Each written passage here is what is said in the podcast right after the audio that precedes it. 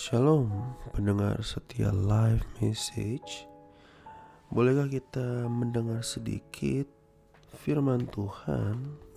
Renungan ini dari Matius 18 ayat 12 sampai 14. Tertulis di situ perikop perumpamaan tentang domba yang hilang. Bagaimana pendapatmu jika seorang mempunyai 100 ekor domba dan seekor di antaranya tersesat? Tidakkah ia akan meninggalkan yang 99 ekor di pegunungan dan pergi mencari yang tersesat itu? Sesungguhnya aku berkata kepadamu, jika ia berhasil menemukan lebih besar kegembiraannya atas yang seekor itu daripada atas yang ke-99 ekor yang tidak tersesat. Demikian juga Bapamu yang di sorga tidak menghendaki salah seorang dari yang kecil ini hilang. Nah Bapak Ibu Saudara, kita tahu bahwa setiap kita adalah dombanya Tuhan. Dan Tuhan adalah gembala kita. Ia tidak menghendaki satu orang pun binasa.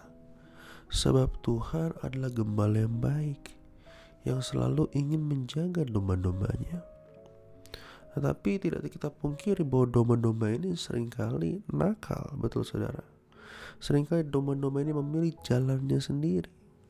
Oleh karenanya domba-domba atau saya katakan kita sering kali tersesat atas kenakalan kita, atas ketidakmengertian kita. Nah Tuhan akan selalu ada untuk mencari kita karena dia adalah gembala yang baik.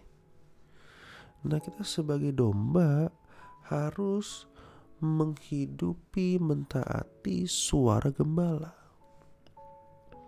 Saya mau berkata begini, bahwa Tuhan itu tidak melihat keadaan kita hari ini.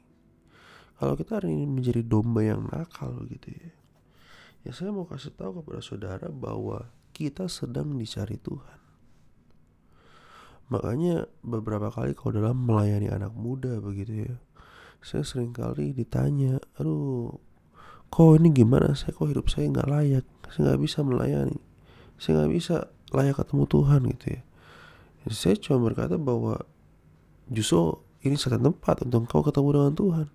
Karena ketika engkau merasa dirimu ter, sedang tersesat, maka engkau sedang dekat dengan gembala karena gembala itu sudah mencari engkau. Amin Bapak Ibu. Jadi jangan ada rasa terintimidasi bahwa kita tidak layak menjadi domba yang tidak layak begitu. Memang sampai kapan pun kita tidak layak, tetapi sang domba itu mencari kita dan menemukan kita. Nah, kalau kita menemukan atau ditemukan oleh gembala, maka hidup kita sudah sepatutnya jangan sampai tersesat lagi begitu. Sudah sepatutnya kita harus menjaga dan mendengar apa yang gembala perintahkan. Sebab gembala ini Bapak kita Yesus tidak menghendaki satu orang pun binasa.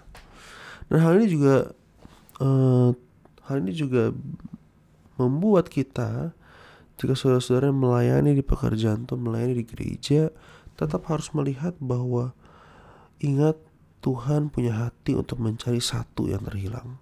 Artinya dalam melayani pekerjaan Tuhan di gereja, ingat bahwa fokus utamanya kepada jiwa. Fokus utamanya kepada jiwa-jiwa. Jangan sampai kita juga terjebak dengan ornamen-ornamen gereja yang sudah terbiasa berjalan sampai hari ini tapi kita melupakan esensi bahwa kita punya tugas untuk menjadi kepanjangan tangan Tuhan untuk menjangkau domba-domba yang sedang terhilang. Nah, Bapak Ibu Saudara, marilah kita menjadi domba yang ditemukan oleh gembala dan menjadi domba yang menjadi berkat, yang menjadi kepanjangan tangan gembala untuk menjangkau domba-domba yang lain.